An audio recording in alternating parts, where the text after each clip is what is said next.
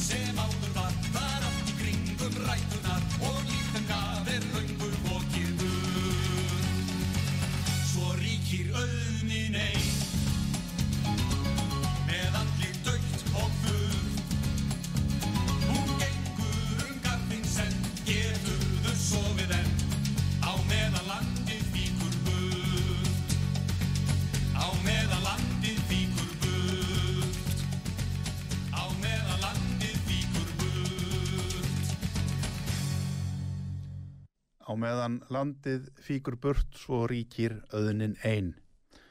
Þetta var Ríó Dríó sem flutti lag sitt og texta líklega eftir Jónas Friðrik þó ég sé ekki alveg viss en uh, þetta var landið meðan landið fíkur burt og þetta lag er spilað hér ágættur hlustendur í uppafið þáttar af ákveðin ástæðu. Ég heiti Magnús Þór Hafsteinsson og uh, gestir okkar í dag eru Sveitn Runolfsson fyrir um landgræðslu stjóri og Pál Haldorsson fyrir um flugstjóri hjá landefísjænslunni og áburðar dreifingar flugmaður hjá landgræðslunni til margra ára. Báðir menn, hoknir á reynslu, mikla þekkingu. Um, við höldum áfram hér að sinna uh, bókum sem er að koma út núna á þessu ári og fyrir þessi jól og þeir félagar sendur hún í sumar frá sér stórskjæmtilega bók sem ég las í sólinni á liðinu sumri og reyfst af sem heitir Landgræðslu flugið endur heimt landgjaða með eins reyfils flugvílum. Bók í góðu broti með mjög mörgum stórmerkilugum ljósmyndum eh, og ég man eftir því og ég sé það aftur núna, ég reyfst af því í sumar að myndirnar í bókinni þær fá mjög að njóta sín, þær eru hafðar stórar, menn ger ekki þau mistök að hafa myndirnar allt og litlar, heldur fá þar að flæða yfir og, og þar að leiðandi verða þær miklu merkilegri fyrir vikið og uh, þessi saga sem er náttúrulega hluti af landgræðslusögu Íslands en líka hluti af flugsögu Íslands hún er stór merkileg Páll Halldórsson og Sveinn Runálsson velkomnir Takk hérlega. Takk. Þið ákvaðuð að koma þessari sögu á blað. Þið voru náttúrulega báðir þáttakendur í þessu. Já, já. Og við kynntumstu fyrst 1962 Já, þegar ég vann við að hlaða flugvilina hjá honum og segjum meira frá því og eftir en, en síðan vorum við að kankast á eitthvað fyrir nokkrum árum að þessi saga mætti ekki glatast. Já, og við gerum okkur grein fyrir því að við þekktum hana kannski betur heldur en flestir aðrir. Já, og játframt urðum við varum við það að, að það var svo margir bæði unga kynnslóðin og miðaldra fólk sem að svona ha, var verið að dreifa ábyrð með flugvölum hvena var nú það? nú, Ó, alveg gátt það Fór að það fram hjá einhverjum? Já, þannig að við, við sáum að svo við, við búið gæti ekki gengið lengur og, og þannig að við ákváðum að að við fá hérna Bjarnaharðar og, og Pókótun og Sæmundar okkur til liðs og tröst og hals og um, við ákváðum að skrá, skrá þessa sögu já. Hún liggur hér fyrir. Já, Já, 1962, Páll, hvenær byrjar þú eiginlega að fljúa?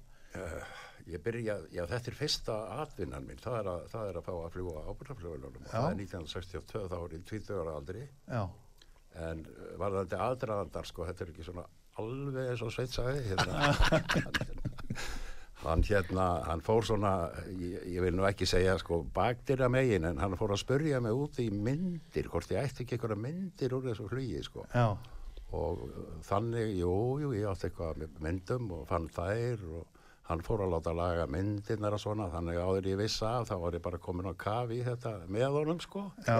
Og, og hérna, sé nú ekki eftir því vegna þess að uh, ég held re reynlega að ef við hefðum ekki tekið þetta saman að þá bara hefði þessi saga bara glatast. Já, en þetta byrjar sko 1958 í já, og, og hérna eins og Sveit sagði áðan þá, þá kem ég þarna 1962 og hann er þá hlæslumadur og við erum búin að tekkast síðan og, og hérna uh, hefum svona svo sem frá íms að segja og það er náttúrulega kemur ímislega fram í bókinni sem betur fyrr já.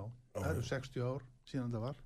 Síðan þetta sko. hófst, ef svo má segja. já, Sveit, hvað, hvað, hvað er það sem gerir það að verkum að uh, menn uh, leggjast í það að fara að dreifa ábyrði og fræjum úr flugvélum?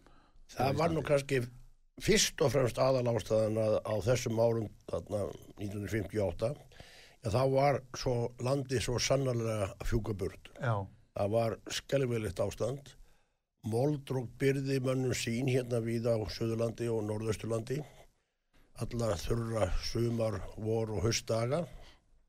Og uppblásturinn var geimvarlegur og dráttavélar á þeim tíma ábúradreifarar þær komast ekkert mikið langt út fyrir túnfótinu, þær voru litlar og, og, og afköstuðu litlu og, og komast ekkert um landið. Mm. og það voru stórhuga menni eins og Agnar Kúfu Hansen og, Björn Pálsson og, Pál Sveinsson og fleiri menn sem að höfðu kynst þessu ellendis að það væri verið að nota flugvilar í, í landbúnaði. En kannski fremstur í þeirra flokki var nú Karl Eiríksson hittinn og Pál þú hefum kynst honum á fleiri vikstöðum já, já. Heldur betur, hann, hann Karl læri, læri sko flugvirkjun og, og, og hérna flug í bandaríkjónum og hérna hann er, það má segja hann sé eiginlega upphafsmaðurinn af þessu ábyrðaflugi, hann, hann var eigandi flugskólans Þiðs mm. þar sem að ég meðal annars lærði að fljúa og hérna það er eiginlega fyrir hans uh, svona tilstölan að, að, að hérna fyrsta ábyrðaflugulinn kemur til landsins sem er Piper Supercup með 150 hestafla reyfli og, og, og, og allan búna sem þarf til að dreifa ábyrði já, já, og hann fer í fyrsta flugið þarna í, í júni uh, 1958 já. og þetta er bara svona lítil eh, einþeik, nei tvíþeikja Nei, nei þetta, er, þetta er bara eins reyfils vel sko og, og, og, og hérna en, en talsvert öflug og, og, og hérna bara 300 kíló pluss fræ. Já, og það þóttu nú bara gott. já. Og þannig, þarna hefst þetta sem sagt? Já, þetta hefst þarna. Og, og, hérna, og stóð alveg sleitulaust til 1992. Er það ekki rétt hjá mér? Jú, jú, og Frá Sveit, 58. þú ert náttúrulega þá í landgræslinni já, já, ekki satt? já, já. Ég byrjaði að vinna hjá Langrastlinu á sumrin 1959 Já, og ég hætti í april 2016 þegar ég var 70 já, og þetta þannig að ég kom víða við þarna og, og í sambandi þegar varst að segja við kynnum frá mörgu að segja og höfum gert það í bókinni að, að þá var nýmestlegt sem að gerðist á þessum skemmtilega árum sem ekki er prentast en, en, en margt er dreif á dagana og, og þetta er náttúrulega áhættisamt flug sem að Páll getur nú sagt betur frá en, en eh, sem betur verið að þá var það aldrei dauðarslis nei, í þessu verkum og þetta skila gríðarlega miklum árangri í uppgræslu landsins. já, Við leggjum áherslu í bókinni og heiti bókarinnar. Þetta er verkefni sem við erum að segja frá er unni með eins hreyfisflugulum til þess að greina það frá langræslu fluginu með þristinum já, Páli Sveinsinni Já. sem að tökja hreyfla vel og, Mm. og það er bara önnur saga sem að uh, hefur ekki ennþá verið skráð Mm. ekki það sá langræslu þáttur þó hefur skrifað úttal bækur um þristin að þá hefur ekki verið skrifað bók ennþá um landgræslu þátt þessa merka þrist sem að ennþá flýgur og er geimt í flugsöfnun á Akureyri. já, já. En, en þetta þetta frumkvöla starf á þessum eins hreyfils vélum hvaðan var þetta þá stundað í byrjun? Var þetta aðalega á Suðurlandi eða? Já, til að byrja með var þetta frá hérna á Suðurlandi og Norðausturlandi, það var farið árið eftir á, í Keldukverfið og Ásbyrgi og, og þetta voru svæðin þar sem að upplásturinn var mestur á þessum eldfjallasvæðum. Já, og uh, við greinum frá því þarna í bókinni að, að það var dreift frá 109 stöðum vísveður á landinu. Allt frá því að vera á fullkomnum flugvöllum eins og í Reykjavík, Akureyri og, og annar staðar niður í það að vera bara að dreifa frá túnum þegar best létt já, og svo alls konar melum og, og svona svæðum sem að svo kvöldum lendingastöðum sem engum manni myndi detti í huga lendi í dag. Páll Ég segja það nú kannski ekki sko en, en hérna, jú, jú, vissulega voru, voru lendingastæðanir mismunandi og, og hérna og hérna, það skal alveg viðkjönd en, en hérna, þetta gekk allt saman vel og það voru eiginlega engin óhöpp akkurat í, í sambandi við flutugaði lendingar. Fyrir utan eitt sem var í Gunnarsholti reyndar. Og, og hérna það endaði nú samt vel sko. Það, það, það, það verði engin sliðis en vélinn skemmtist svolítið og og við, viðkomandi aðilið þarna, við segjum stundum frá því að hann, hann, hérna, hann er nú sprell lifandi sá, það, er sá sem flög sko fyrsta sumarið. Já, já, að hérna, hann hafði heyrt að þessi áburður væri uppi staðan sko í sprengjefni, já, Kjar, kjarnin, kjarnin en það dag í dag. og, og hann endaði þarna út á braut og á kvolv og, og hérna, hann heldur í fram sjálfur að hann hafi slegið sko 100, heimsmet í 100 metra flugi, það var svo fljótur út úr velinu og, og tók á rás, hann held að allt var að springa í loft upp en, en annars gekk þetta bara vel. Já. Já, já, en hún sprakk ekki upp. En, en var þetta ekki, þetta lítur nú samt að hafa verið ef maður skoða myndin þar í bókinni maður sér að menn fljúa ansi lágt þegar þeir eru að dreifa. Já, uh, menn hljóta nú að hafa þurft að halda vöku sinni við þetta flug. Já, þetta kem, kemur samt bara upp í, upp í svo mikinn vana, sko. Manni fannst, sko, gerðingarhæði var bara orðin bara ágættis. þessu var dreift úr gerðingar hæð Já, það, það var bara, maður var alveg orðin vanur því, þetta bara, af hverju þurft að fljúa svona lágt til þess að frægið og áburðurinn aðskildust ekki, sko, þegar að þú varst að dreifa. já, ábrúðurinn er þingri Það er þingri heldur já, en, já, og það er ekki fyrir löngu setna sem að, sem að frægin eru, eru húðuð eins og áburðurinn. Er það ekki bara þegar þristurinn kemur? Já, já, nákvæmlega. til að vera að ná að hafa sömu þingd Já, já, þetta já. dreifist jæmt Já. En við strákvarnir sem vorum að hlaða flugvélarnar að við kallum Pál yfirleitt bara þúpnabannan. Já, Já, það er nú kannski ekki rétt nefni sko en, já, en hérna þetta var náttúrulega óhemmi og skemmtilegt sko og þú getur rétt ímyndaður að, að hérna, ný útskrifaður atvinnurlömaður tvítur aldri eh, fær þetta starfa að fljúa láflug og fá ágjaldlega að borga fyrir það sko, eh, venjulega hefði maður verið kerður fyrir þetta það leika sér alla daga. já, en þannig, að þetta var stórkostlegu tími Já, já, já, og ég held ég að verið þarna eitthvað viðlóðin þetta í 12 ári, það rétt 14 sumur. 14 sömur 14 sömur. já, svona viðriðin. Hvenær var byrjað þá? Bara snemma vorin eða?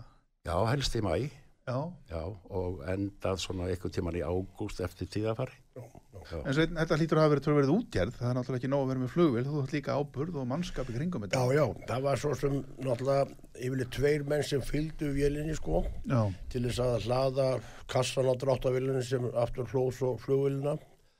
Og þetta var náttúrulega heilmikið skipulag að, að svona gæta þess að ná á þessa staði sem ákveði var að dreifa á og, og gera það í, í sínum réttir röð. Það var eins og Páll nefndi að það var mjög mikið aðtrið að byrja nógu snemma vegna þess að í þessum eldfjallajarvegi þá gildi svo miklu að, að dreifa fræginu og ábrunum meðan að enni raki í jörðu. Mhm, en eh, maður hugsa til þess að á þessum tíma að, að í mæ þá var frost ekkert farið úr jörðu. Sem að í dag þá er frost, allt frost farið úr jörðu og allur lálendi en í þá daga þá var ennþá frost játmenn fram í júni jörðu og þá var hamlaði þá oft að hefja ábröðu flugið vegna þess að, að dráttavélinn komst ekki um inn á brautina og þó flugvélinn gæti kannski lent og kannski ekki að þá var þetta svolítið svona að maður þurfti að gáða því hvar var hægt að byrja fyrst og á svona þurrari brautum og betri brautum og, og reyna skipulegið svo að fara svona í einni raunu hringin í kringu landið. Þó að langmest væri dreift á Suðurlandi og eins og segi Norðausturlandi þá var dreift á Vesturlandi og Vestfjörðum og, og Norðurlandi með einna minnst á Austurlandi. Þar er svona minnsta gróðureyðingin í Já. gegnum aldinnar og, og það var einna síst sem við vorum að störfu þar en hvað, hérna, hvað þurfti marga menn til að sinna þessu? Þetta hefur verið ákveðið teimi sem þessi Leðslumenn Já, og og meðan að sko, meðan að bílstjórar? Já, þegar að reksturinn kringu þessa einsefisfuglu var alltaf bara einn svona fullorðin maður sem var með þá með bílstjóra á vörubílnum Já, sem flutti dráttavélina og svo bara unglingar, unglingur þannig þeir voru bara tveir sem að fylgdu og, og hérna hlóðu. Og síðan alltaf flugmaðurinn en svo þegar að var farið að dreifa með þristunum 1973 þá var það miklu meiri útgerð. Já, já, en í kringu þetta flug með einsefsfluglunum sem að afköstuðu gríðanlega mikið að, miklu að, að það var bara þessi þrý ræðalar flugmaðurinn og tveir hlæslumenn já, Já, og síðan kom náttúrulega, það var ekki bara ábörðurinn sem var fluttur, það var náttúrulega bensín á tunnum. Já, já, og við meira að segja höfðum með í fartjaskinu sko vindpoka já, til að geta sett upp á, á, á viðkomandi stað. Já, og hérna þannig að þetta, já, já, þetta, þetta var bara heilmikið lútgerð þannig. Já, og hvað gistu menn? Í tjöldum bara? Eða? Já, ég er nú með hérna kannski eina sögu um þetta því en, Já. en hérna ég man nú ekki eftir því að hann hafi lagst út í einhverjum tjaldum þessi sko hann var komin í eitthvað, eitthvað mikra en hérna en til dæmis á auðkúluheiði þá, þá voru við einhverja daga þar og, og hérna það var bara tjald, tjaldbúskapur og, og það er meira að segja mynd hann að ég þurfti að veiði í soði þannig okkur, það var nú ekki betur hugsað um okkur en það sko Þið þurftu bara að lifa á landinu? ég lifa á landinu sko já, já. Já, það var náttúrulega oft sem að var verið að fljúa og það var verið að býða eftir heppilugu veðri og, og það var kannski rók og, og rigning og það var verið að býða eftir einhverju blokni eða litlu vindi og þurru til þess að dreifa og, og þá þurfti að bara byrja að dreifa bara þegar var komið kvöld já, og stundum var þá bara dreift fram eftir nóttur þá var búið að dreifa frá þessum stað já, og það var yfirleitt í lokni Það var mjög algengt einmitt að nætunar voru notaðar sko. já, Já, já, já, hygglust. og þetta var oft heilmikið líka að vinna að koma ábyrðum á staðin, staðin. Já. mann eftir því að uh, það var ákveðið að í samráði og samstarfi við bændur í fljósliðarheppi að, að dreifa ábyrði á uh, svæði inn á fljósliðarafrætti og þá var engin vegur sem hægt var að fara með ábyrðin á stórum vörubílum inn í inn, inn á fljósliðarafrætt, svo kallar einhyrningsflatir. Og uh, þetta var svona meðan að það voru þessar minnstu superköp vélarnar sem að varum að nota. Og þá þurftum við að flytja ábyrðin brákun og solti og þá var ekið inn í inn á Þórsmörgusvæðið og yfir Krossá.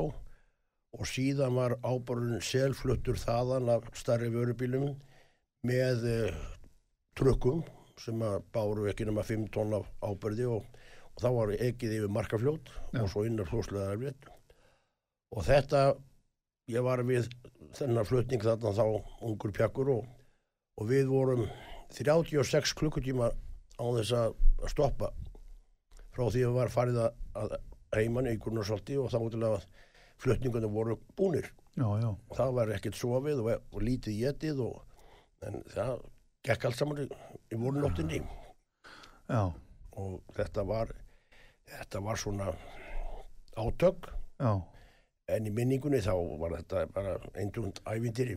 Endum það endýri. já, Já, ég getum eiginlega bara að trúa því, ég held að þetta hljóta að hafa verið afskaplega skemmtilegt. Já, já, já. Og hann náttúrulega kannski fá störf göfugri í umhverfismálum heldur en að sinna landgræðslu. Já og sjá árangurinn. Og sjá, já, ég ætlaði einmitt að spyrja því Já. bar þetta árangur? þetta bar gríðarlega góðan árangur Já, og uh, skipti sköpum í svona afköstum í uppgræslu starfinum já, eh, okkar sterk, sterkasta vopn við barátunum við sandin er íslenska melgreysið já, og því verður ekki sáð með flugulum það verður að herfa það niður það verður að fara honi í sandin en síðan er brínt að bera á það árið eftir sáninguna og kannski einsinu að tvisvar. Og þá er melgresi sjálfbjarga en þar og eftir þá koma hargerðar aðrar grastegundir á svæði sem ekki er mikið á reyfingum mhm, þar sem að eh, ekki er sandöldur og, og kannski móldrók og svona og þá skiptir sköpum að ná að taka fyrir stór svæði í einu og, og gera hérna mikið átak í einu einu rikkin sem að segja ykkur úr íslensku og, og gott dæmi um það er í, á skója svæðinu í Hotaferði sem var stórt svart sandsvæði já, alveg fram með 1986 en það hefði verið gert ráð fyrir því í þjóðargjöfinni að ráðast þar til allu og við þann sand og það fög oft sandur af því svæði og mistur inn yfir fiskútgerðina í hóttanfyrði og, og höfn og það var ekki, ekki gott. En svo þegar var loksins ráðist í það svæði að þá skiptir sköpum annars vera að ná tökum og stjórna vatninu sem vildi flæmast um þetta úr, bæði úr hérna uh, Hortanverða fljótonum og Hofferssoni og síðan að ná að taka fyrir stór svæði í uppgræslu og þá notuðu við flugvil, flugvilina einsifisflugvil og það var dreift á nokkur hundruð hektara í einu. Og það náðu stórkostlega svæði árangur á þessu svæði til dæmis að það sem voru sandar stundu blöytir, stundu skruðþurir, nú er það bara endalösar viðfem votlendi já, sem að uh, voru endur heimt þannig skulum við segja ekki með því að mókunni skurði heldur með því að græða upp þessa sanda. Grænt votlendi með Já. tegðangur í já, skordýrum og fuglum og, já og, og, og hérna bara veiði og fiskum og, og svo framis og hérna uh, fólk trúir því ekki í dag að, að með því að sá dönskun túmingli í þessa sandauðnir þarna að nú er þar bara gríðara fjölbröttur votlendis gróður. Já, túmingli breyttist bara í votlendis gróður. Já, og menn trúa þess ekki í dag og segir þetta sé nú bara byrla villisa já, er, það er bara sjónisögur ríkari. Já, nákvæmlega Já, sko. ég mitt sko er að hérna, eins og hérna inn í kvalfyrði sko, hér eru ljósmyndir úr kvalfyrði ferstiklu, Já, já, að því ég þekki nú aðeins til þar sko, að þar eru myndir af því þegar verið er að dreifa. Þarna er í dag skóur, já, Já, já, mjög víða. er allt upp gróð, Já. mjög víða. gjör breytt landslag, Já, er og allt annað að sjá þetta. Já, Hvalfjörðin var rosalega mikið beittur og búinlega ríst land. já, Þetta var bara minningun urð og grjót já, sem náttúrulega ekki rétti. Þetta voru mikið að berum melum sem að, hafði verið bara beittir kannski allan á sér syng menn, til þess að menn gætu framleitt lífinu þarna og erfiðar aðstæður og erfiður landi og gróði farið gjöru breyttist þarna í kjölfar ábráðdreifiningana þarna sko. já. Ertu að horfa myndir af það sem hann er að fljúa undir símalinu? Já, allir það ekki. Já, Já. Hann, Símalínundar gáttu nú verið hættulegar, það er að passa sér þeim. já, já. Sko, þetta er, hvað? hann þarf náttúrulega alltaf að íkja Já, þessu. ég, ég held ég fram sko að hann hafi látið photoshoppa hérna, símalínuna burtu en hann er með ykkur aðra sögu. Já, hún var náttúrulega tekin niður hann fyrir framann festöklu sko. Já, já. Og, og hérna þannig að það er bara, þannig að það sé alveg á hreinu en, en það var mikið kvartað í kvalfyrðinu með við lélegt símasamband þennan dag, ég skal auðvitað það en hérna en ég held okkur að hafa verið fyrirgefið það Já, ég heldur betur, ég held að það hljóti nú að vera. Uh, hvernig var með hérna, þú sagðir það að þú hafðir byrjað þinn flugferil í þessu 20 ára aldri. Já. Um, Var þetta kannski svona skóli fyrir marga aðra upprennandi atvinnuflugmenn Já, já, það komu síðan náttúrulega sem áttu eftir að hasla sér völl? Já, já, þeir, þeir, það komu margir í, í, í, fótsporin sko Já, Já, já, og hérna ég er reyndar svo fjórði sem að fer að fljúa þarna held ég, það eru, það eru þrýra, undan, þrýra fjóra undan sko, já, en síðan uh, tókst ágættis uh, samstarf við landtækisgæsluna, já, þannig að, að það voru hluti flugmanna gæslunar voru að fljúa þarna líka. Já, og, og hérna það, það var bara mjög fín, fín samvinna sko, á allan hátt. Já. Hvað gáttu þetta verið margar, hvað maður að segja, bunur á dag? Það er, uh, það er náttúrulega semt eftir hvað var langt að fara. Já, já, vissulega. Já, en, en auðkúlu heiðin sem að, að hérna er nú aldeilis ekkert smá flæmi þar er, það er, það er mynd af einni eh, hérna loggsíðu þarna Já. í bókin eitthvað staðar Já, og þann daginn fór ég 80 ferðir sko 80 ferðir, já, flugtök og lendingar. já, hlutuk og lendingar á, á þeim tíma Já, já, og, og hérna á einum degi og þetta var, ég held að það hafi verið metið sko Klálega þá. já, en, ekki en, en hérna varðandi árangur í, mér finnst einhvern veginn ég hef þá tilfinningunni að að, að, eh, að árangurinn í, í þingiasíslunum hann var alveg stórkostlugur Já. alveg bara maður sá nánast bara breytingu ár frá ári sko, já, já, þarna í þingiasíslunum sko. já. en, en hérna Og þessar vélar, fyrst, þetta eru svona, hvað er maður að segja, til að byrja með hálgirar engaflugvélar sem hafa verið settur í tankur. það er fara sko smá saman stækandi sko Stækandi og verða, reynar, reynar sér hannaðar ábyrða flugvélar. akkurat sko og það, það, það var gífuleg bylting þegar, að- þegar, flug, flugvilar framleiðendur fóru að hanna bar, ábyrða flugvilar bara til þess að, að bera á ábyrðu og úða já, og, og hérna þannig, þannig að já, já, það er stækkuð alltaf og tók alltaf meir og meir og, og, og hérna ein er nú fljúandi ég reyndar tvær eru fljúandi Tvær. sko. nú er það, hér á Já. Íslandi. já, Já, já, og, og hérna einu notur til að draga sveiflugur upp á, á sandskeiði já, og svo er önnur sem var, var eh, smíðuð úr tveimur súpuköpum sem að eðjulöðust sko. og hún, hún er skráð í dag líka sem enga flugur Þetta er svolítið svona sérstu könnun á þessum vélum. Það eru flugmaðurinn, hann situr hátt, er það ekki? Breytt á milli hjólana? já, hann setur hátt og hann, hann er fyrir aftan þess að bæði áburðin og reyfilinn sko. Já, já, ef þú tekur fyrstu vélina sko, já, þá er, þá er áburðatankurinn fyrir aftanflugmannin já, mótorinn og bensinnið hérna mótorinn fyrir framann þannig að flugmaðurinn er hérna á milli ef eitthvað, eitthvað Já. játar á sko þannig að þetta er alveg ný, hön, hönnun sko með, með, með þessar eh, seinni tíma velar sko já, já. Já. þingdin er öll svo má já og, og, og miklu betri, betra útsýni miklu betur útsýni og, setur herra og já. svona, sko. Er þetta, kemur þetta frá bandaríkjónum eða já vélar? þetta er bandarinskar vélar. Já.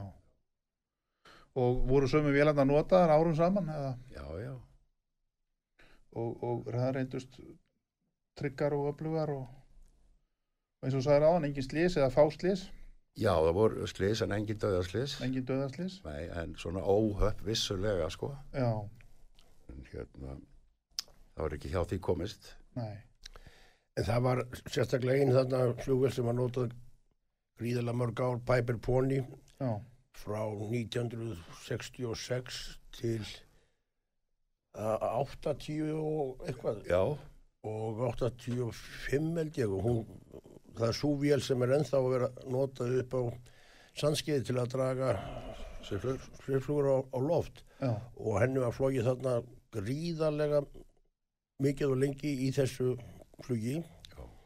en það er náttúrulega lókar að ítrekka það að, að þetta samstarfið landhelgiskessluna var ákalla farsalt og, og hafði mikla þýðingu sérstaklega fyrir landgræsluna og þetta voru náttúrulega sýstu stofnanir að við vorum að vernda og, og hafa eftirlit með landinu hjá landgræslunni en landhelgiskesslan við eftirlit með auðlundum hafsins mm. og við með auðlundum landsins og uh, þannig þetta voru sýstu stofnarnar að vissan hátt og, og störfuð mjög náðu saman og ég segi betur frá því á eftir.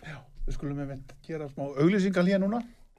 Uh, en við komum aftur að vörmusbóri hjá okkur eru Páll Haldursson og Sveinn Runolfsson sem báðir voru líkilmenn í landgræðslufluginu hérna á Íslandi á árum áður. Ekki fara langt. Síðdeis útvarpið á útvarpi sögu. Þáttastjórnandi Magnús Þór Hafsteinsson.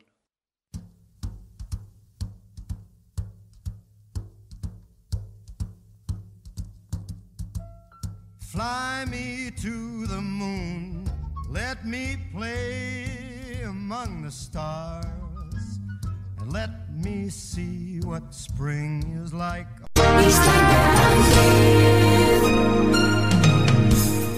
Styrtareikningur útvarpsögu í Íslandsbanka á Granda. Útubú 513, höfubók 26, reikningur 2.11.11. Nánari upplýsingar á útvarpsaga.is. Takk fyrir stöðningin. on a Jupiter and Mars. In other words, hold In other words, baby, kiss me. Fill my heart with song and let me sing forevermore. You are all I long for, all I worship and adore. In other words, please be true.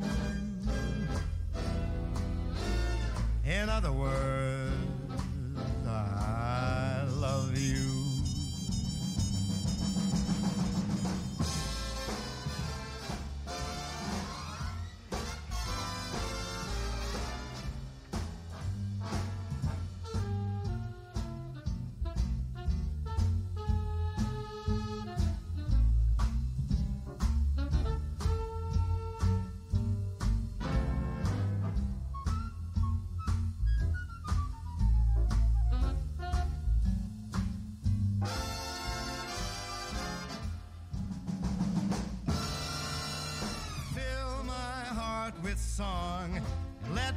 sing for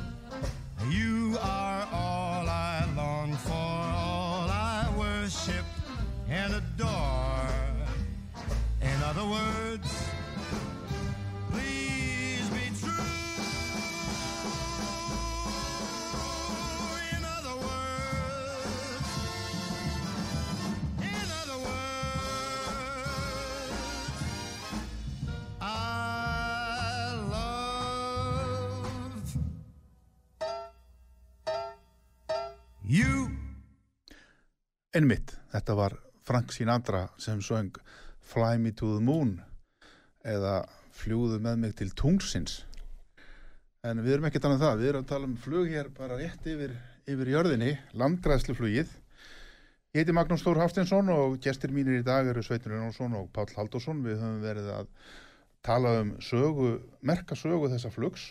Eh, Þeir sendu frá sér á árinu bók, það sem greintir frá þessari sögu með góðum texta og miklu af flottum, einstökum ljósmyndum af þessu flugi sem átti sér stað um áratugaskeið á einsreifilsvélum oft við mjög erfiðar og frumstæðar aðstæður.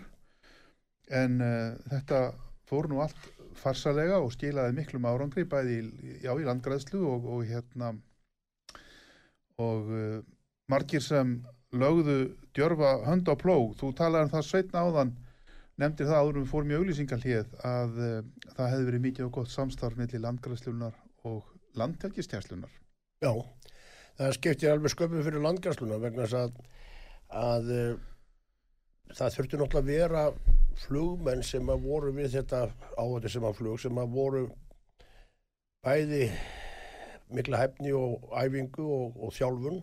Já, og á þessum 35 árum sem að þetta landgræsluflug stóði yfir þá voru það bara 12 flugmenn sem að, að flugu í þessu flugi.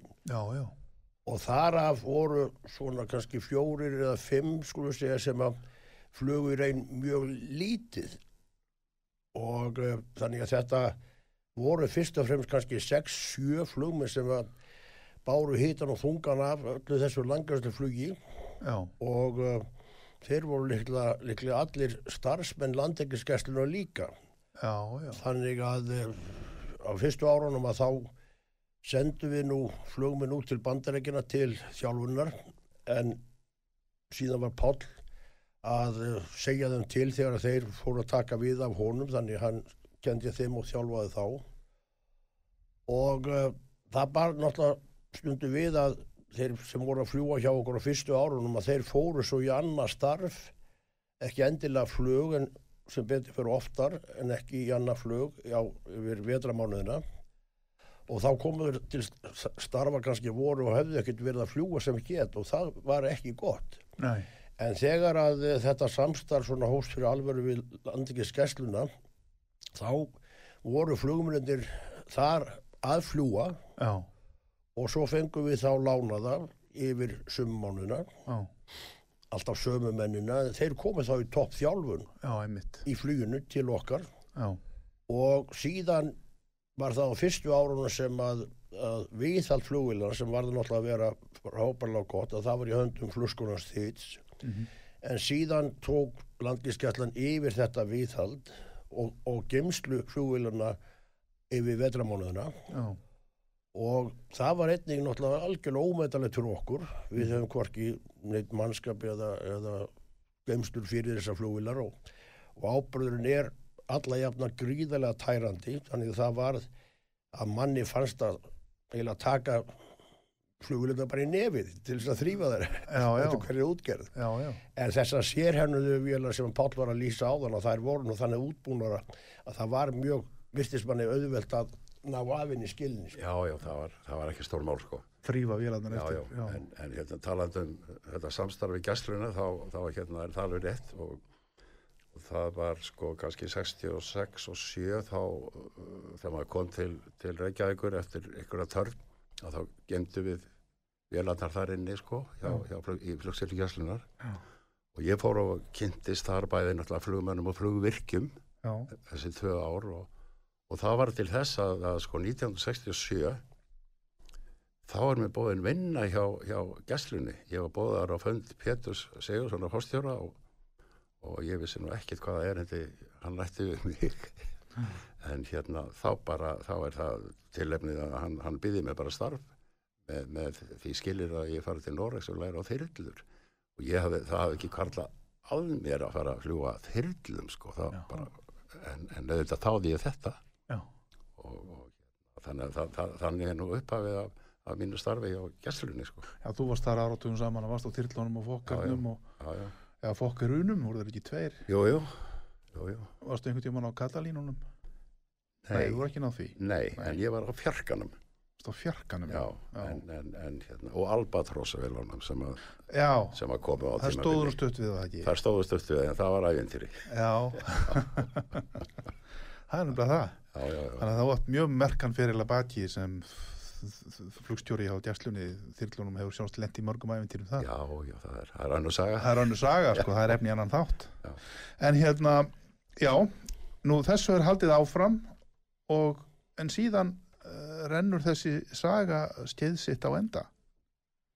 Sveit, hvernig var það? 92 og uh, með einsefusflugulunum uh, við heldum áfram að nota þristinn í mjög stór verkefni eins og fyrir land, uh, hérna, landsvirkjun og uh, vegagerðina og annars slík svona stærri verkefni. Já, en uh, ef við bökkum aðeins og hugsun til þess og horfum til þess að, að þessar einsefusflugular þar voru notaður heilmikil í þáu bænda til þess að bera á beitilönd þar sem voru kannski svona rýr beitilönd eins og upp í kvalfyrði og svona. Og uh, það var all víður land og þá borguðu þeir verulega hlut af ábyrðarkostnaðanum við annustum dreifinguna. Mm og þetta skilaði miklu árangri hjá bændum og skipti sköpum um að, að létta beitarálagi af uh, illafördum afréttum og, og einsum starf í heimilöndum og þetta var svona byrjunin á bændur græða landið. Já, og það verkefni bændur græða landið fónfestist 1990 mm. og þá voru bændur komnir með mjög öflugar dráttavilar og dreifara og okkur fannst mjög áriðandi að eh, þeir tækju að sér þessi verkefni við að græða upp landið á þeirra eigin landi en það væri ekki einhver anskotar að koma sunna til þess að gera þetta fyrir þá. Þannig að þeir eignuðust innan gæðsalapa hlut af verkefninu og hlut af árangrunum og yrðu, yrðu henni sönnur vörslumenn landsins og bara þetta skilaði gríðalegum árangri. Það er gaman að leika að segja frá því og, og Páll þekkir þá sögu vel hvað eh, flugmennendir og við hlæðslumennendir meðan ég var þar í hlæðslunni að eignust góða vini meðal bænda, já.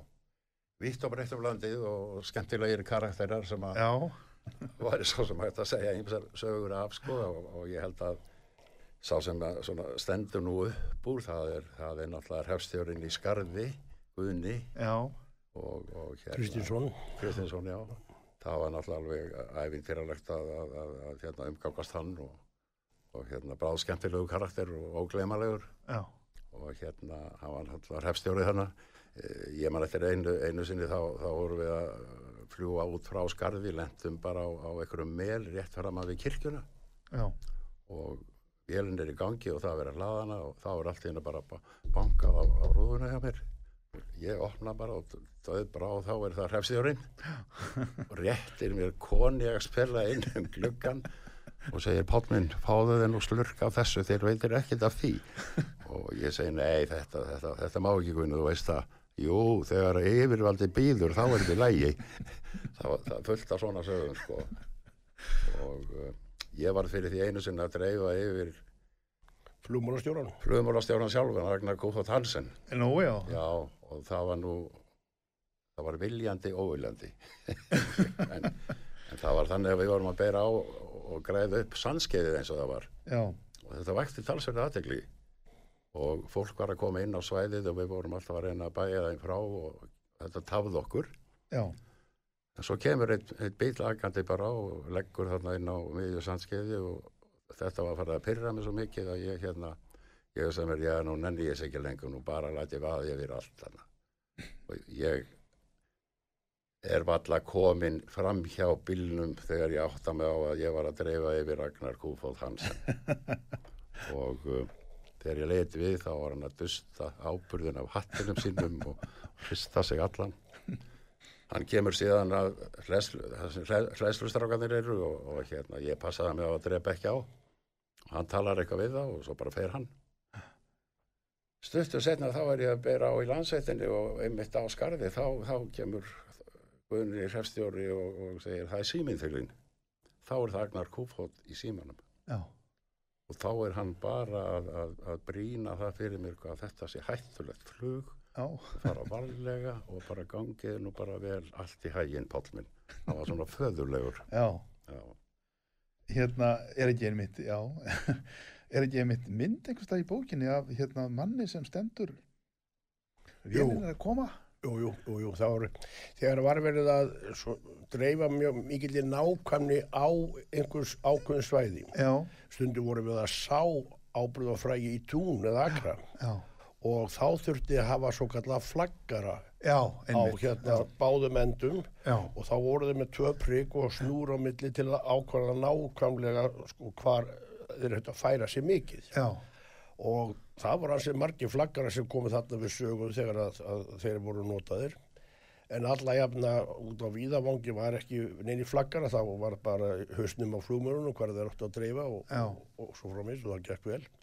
Nú er það allt orðið með tölvu vætti í heiminu sko. Já, nema hvað að flaggararni að þetta var náttúrulega svo óþægilegt fyrir þá sko að þeir urðu að standa bara stjarfir þegar flugvillin kom öskrandi á mótu þeim já, og, og fengu svo ábráðgusuna yfir sig. Já, og uh, þeir urðu að mátti ekki hlaupa í burtu því þá fipast flugmaður því að hann náttúrulega bara sá það ekki úr fjarskæði voru hlaupandi einhverstaðar en hann var að treysta því að þeir stæðu þetta bara svo klettar. Já, en svo var það einhvern tíma þá var hérna maður sem að var, var eiginlega búin að hafa nóga að þessu og, og hérna það sínt mynda því þegar hann þegar flugvillin kemur öskrandi að, að mótunum og þá tekur hann bara á rás hann verður bara hrættur og tekur á rás og Páll var að fljúa og hann á eftir honum. Já, en hann, hann stóð plektina eftir það og reyði sig ekki nei, inni, inni. já, já. já, þetta er hérna, en e, þú nefndi það sveita á hana, já, bændur græða landið, bændur tóku þá við þessu verkefni. Já, þeir tóku við þessu verkefni og, og sinna þeir enn þann dag í dag í, í samstarfi við landgjörsluna Já, og þá fá þeir ákveðin svona styrk og til þess að uh, græða upp sitt land já, og nýta það með sjálfbærum hætti. Og það er fylgst með því að, að þeir eru heimsóttir og það er kortlagt það sem þeir eru að gera. Og þeir gera svona áallunum hvað þeir vilja ge- gera á næstu árum og sinni jörð. Og síðan er því fyllt eftir bara í mjög frábæru samstarfi við langarsluna. Þeir fá svona greitt hérna 55-60% af heildar kostnanu við þessar landbætur. Já, En ef þeir væru nú í skórakt og hérna ætluðu að breyta algrún landi í annan gróður þar að segja skó, þá fá þau 98% kostnaðan greitan, en þegar þeir eru endur hengta gróður á örfokalandi og mjög rýrulandi, þá fá þau ekki nema 55-60%. maður sér þetta mjög vel úr lofti. Já, þegar maður er að fljúa núna þá sér maður alveg hva, hvað þeir hafa verið að gera sko. já, það fer ekkert á milli mála. Það gengur mjög vel. já, en, en, en um hvað þá með afréttina, sem sagt, uh, er þeim, er þeim ekkit kannski erfitt að vera að fara yfir þá á traktor, eða hvað? Já, nei, þeir, þetta er svo stórar og flotta vélur sem bændur eiga, þeir fara yfir fjöll og fyrirniti nánast ef að því er að skipta. En skilja það ekki eftir sig ummerki? Nei, ekki, ekki mikið. Það, þeir, þeir gæta þess og þeir eru á stórum dekkjum og þeir skilja ekki eftir, þú sérð ekki ummerki eftir það einu tveimur árum setna sko. Þeir þekkja það manna best hvernig á að umgangast landið með þeim hætti að það sjáist ekki á eftir árum, næstu árum eftir og þetta hefur gengið alveg frábærlega vel.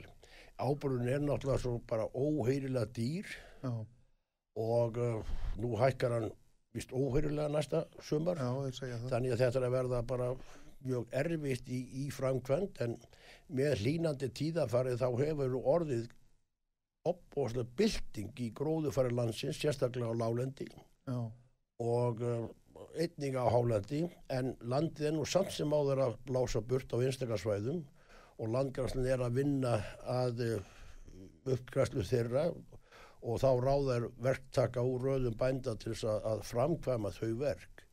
En auðvitað ef það gerðist einhvern tíma verulegar náttúru hamfæri þannig að það þyrfti að, að græða upp landið eins og við vorum að gera á heimei eftir gósið þar 1973 já, þar skiptu flugvilunar algjörlega sköpum í því að stöðva áfók og vikufók niður yfir byggðina á heimæg. já, já, En að, ef að kæmi til náttúruhamfara og, og stór svæði færi undir vikur breyður nálat byggð og þess að þá myndi ég segja að það erði líklegt að það erði bara leigð flugvilað utan já, til þess að, að taka á stór verkefni vegna þess að, að flugvilarnar eru þegar að nóg er fyrir stafni þá eru þar ódýrasta ábröðdreifarinn já, og já, svo besti. Afkastamesti.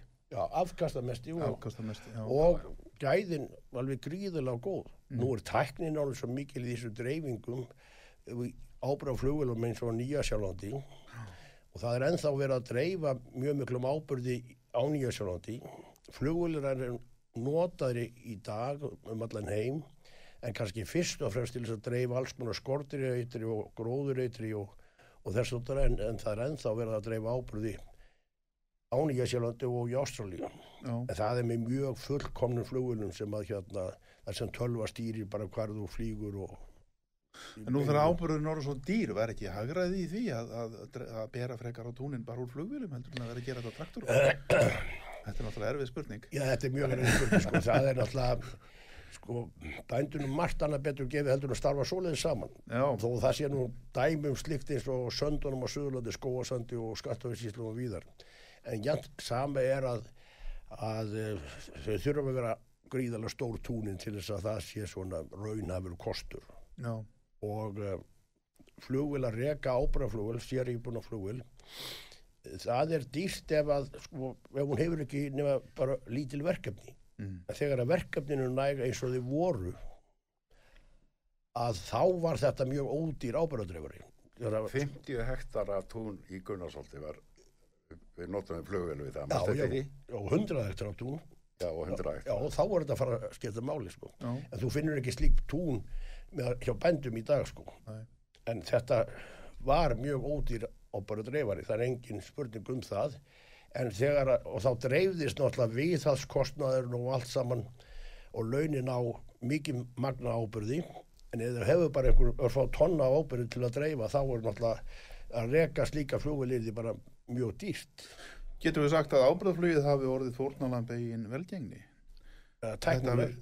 Ha, já eða fórnalamb tækninar? Nei, Já. ég meina, uh, þetta er mjög skilivirkaðferð, ekki satt, til Já, að já. dreifa jú, fræjum jú, ábyrði. jú, jú. Uh, þetta er bara árangur Já, já, og orgu. okkur tókst að verlu leiti Já. að ná tökum á þessum upplæstri Já, og hann heyri nánast sögunni til í dag eða hvað? Svona mestu, Mestu það er leyti. ennþá að eigðarskrúður, já. Já, En það er svona svæðum sem er mjög erfitt að koma að staða og, og hérna, það er takmörk fyrir því, sko, hversu hátt við eigum að fara yfir sjó. já, Hérna, sumstað verður bara náttúrulega að fá að ráða og fá kannski 300-400 ár til að græða sig. En, en það eru takmörk fyrir því og fjárvendingar náttúrulega mjög takmarkaðar til þess að mála. En, en, en þá velta maður því fyrir sér á þessum tímum það sem mikið er talað um nattræna hlínun og gróðrúsa áhrif og, og hérna binding og kólefni og, og allt það á þess að við förum svona nánar út í þá sálma af hverju eru þá ekki verið að halda áfram að græða landið með flugvélum til viðbótar við það sem bændur eru að gera Það hafa bara ekki fengist fjárvendingar til Þegar þess. það er sko. verið að móka óherilugum peningum í þessi, hvað ég að segja, þessar umhverfis aðgerðir til að hamla gegn uh, Hlýnun jarðar. jarðar og allt þetta. Já, já, Ég meina, það er ekki eðlilegt að láta eitthvað af þeim fjármunum renna í það að einmitt að koma á fót aftur svona, Jú, jú, svona flugi. Jú. Það er alveg hárrétt hjá þeim. Það er ekki verið að móka miklum peningum í þessar hérna, til varnar áhrifum hlínunar því miður. Það er bara, það, það hefur talað um það. Já, og það, sko, ríkistjórnin setja á svona tíu ára áallun gríðarlega háar uppaðir í þessar aðgerði þegar að, að þeir hafa látið að þegar kjörtjumbylunum lokið. Mm. síðan verður þetta ekki úr kemur þetta ekki til framkvæmda. Þetta er það sem ég upplifði og ég sé og fjarska það er ekki verið að verja miklum upphæðum. Nei, ekki í, í hérna ekki skórat og ekki landgræslu en það er talað óskaplega fallega um þetta sko og Já, já. gríðarlega fallega um þetta. Við megum til með að minnast aðeins á þyrluna já, þannig að því að Páll er líka byrjuður að skrifa sögu þyrluflugs á landirkiskerslinni já, já, en sko við reyndum 78 og 79 að svona lítilega að dreifa ábyrði með þyrlunum. Já, og við vissum það svo sem að hún er mjög nákvæm eða værum að sá í rofabörð eða einhverja tilruna reyti á erfiðum stað þá er þið þyrlan rosalega nákvæm í þeirri dreifingu. Það getur bara að sáða á punktinn. Já, og ég man ég sníkti ábróðdreifar sem var hengt neðan í flugvel, þyrluna uh, frá samni þjóðum eða landbúnastofnum samni þjóðuna og það var svona styrkur. Og uh, ábróðdreifurum var búlur gallagripur og þetta gekk alltaf aftur á hóttunum en þetta er vel gerlegt með fullkomnum græjum. Já, en alltaf dýrt. Já, Og þetta er alltaf mjög dýrt. Mjög óhagkvæmt. og mjög óákvæmt, já, alveg algjörlega sko. Þetta var, þetta var reynd já, og það var alveg tilrunina virði já. en það verður aldrei að veruleika. Ekki hérna. Nei, nei. Ég má til og með að spyrja ykkur svona í lokin, við erum nú að falla hér á tíma, klukkutíman er alltaf svo stuttir hér út af sögu. Eh, sakniði þessa tíma? Ég gerði það. Þú gerir það? Já, já. Já, Já, já. alveg heiklaust. Það er nú ákveður svona romantísku ljómi yfir þessu. Þetta var bara svo ótrúlega skemmtilegur tími og- og, já, já. já, útilegur nánum tengslum við landið og náttúruna og og hitta allt þetta fólk Hitta og fólkið, þessar bændur og bara, já, já, við veit þetta er svona í, í minningunni þá er þetta bara alveg meiri áttar sko kapli, ég er þakkláttur fyrir að hafa geta tekið þátt í þessu En var þetta aldrei erfitt? ég leit aldrei á þetta sem erfitt Nei? það var aldrei mikið yngri Já, já, já.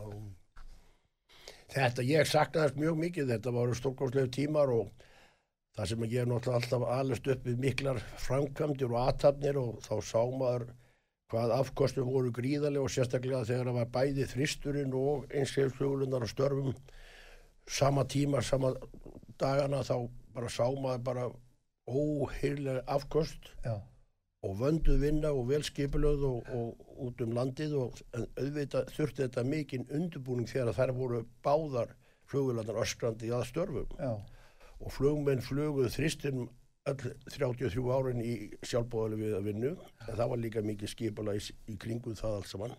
En þetta voru alvöru tímar já, þegar var verið að vinna. Já, nú er menn náttúrulega bara með góðu músina og, og tölvuna. Það bara græir ekki nóg mikið upp Svo við nefnum nú aðeins fristin í lokin, við höfum ekki talað mikið um hann enda er hann ekki eins seifils, heldur, heldur það ekki að reyfla vel og annar. Voru það flugmenn frá flugfélaginu aðalega þá, eða, eða, ekki gæstlunni? Gæstlan var ekki í því eða hvað? eh, Jú. jú, jú, já, Pétur og Já, en það voru fyrst og fremst flugmenn Flugfélags Íslands. Flugfólks Íslands Já. og uh, og flugliða. Jú, jú. einnig líka. Já, og svo Æslandir þegar það var komið til starfa. Já, og þeir svona sáu sjálfur um að skipulegja hverju væri að fljúa hverju sinni. Og það voru alltaf tveir menn frá þeim.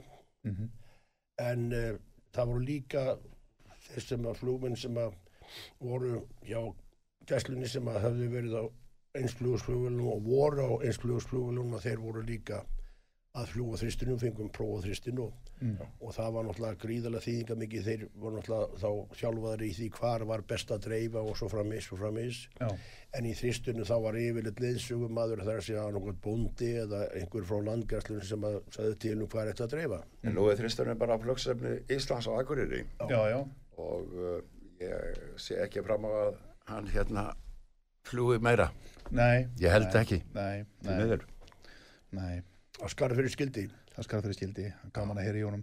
Já, þegar hann kemur fljúandi yfir. en hún þykir bensín alveg ábúrslega en hann er alltaf búin að hérna, binda svo mikið kólefni, hann ná svo mikið á mikið inni. já, já, já, Við erum að geta þess líka hérna í bókinni er, eru uh, skrá yfir, yfir alla flugmenn sem flugu á þessum vélum. TFKJ, TFKZ og TF Tún 1, 2 og 3 já, og það eru myndir á þeim æfi ágreip og, og hérna þeirra er allra getið svo það sé nú haft úr heinu loksíður þeirra eru þarna líka allar. Já, loksið, já, Já. einmitt, einmitt. Já, ég, við erum fallin á tíma. Páll Halldórsson flugstjóri hjá Landhelgistjörslunni og Landgræslunni og Sveitur Unulsson Landgræslustjóri báðir fyrfirandi reyndar en samt í fullu fjöri eins og þið hafið heyrt. Minnst okkur til það. Já, ég takk ykkur fyrir komuna og alveg stór skemmtilegt spjall. Ég og þakka til þér. hamingju með þessa fínu bók og ég hvet fólk endilega til að kynna sér hana, hún er mjög skemmtileg. Takk fyrir. Takk, takk. Takk. Verðið sæl. Ég heiti Magnús.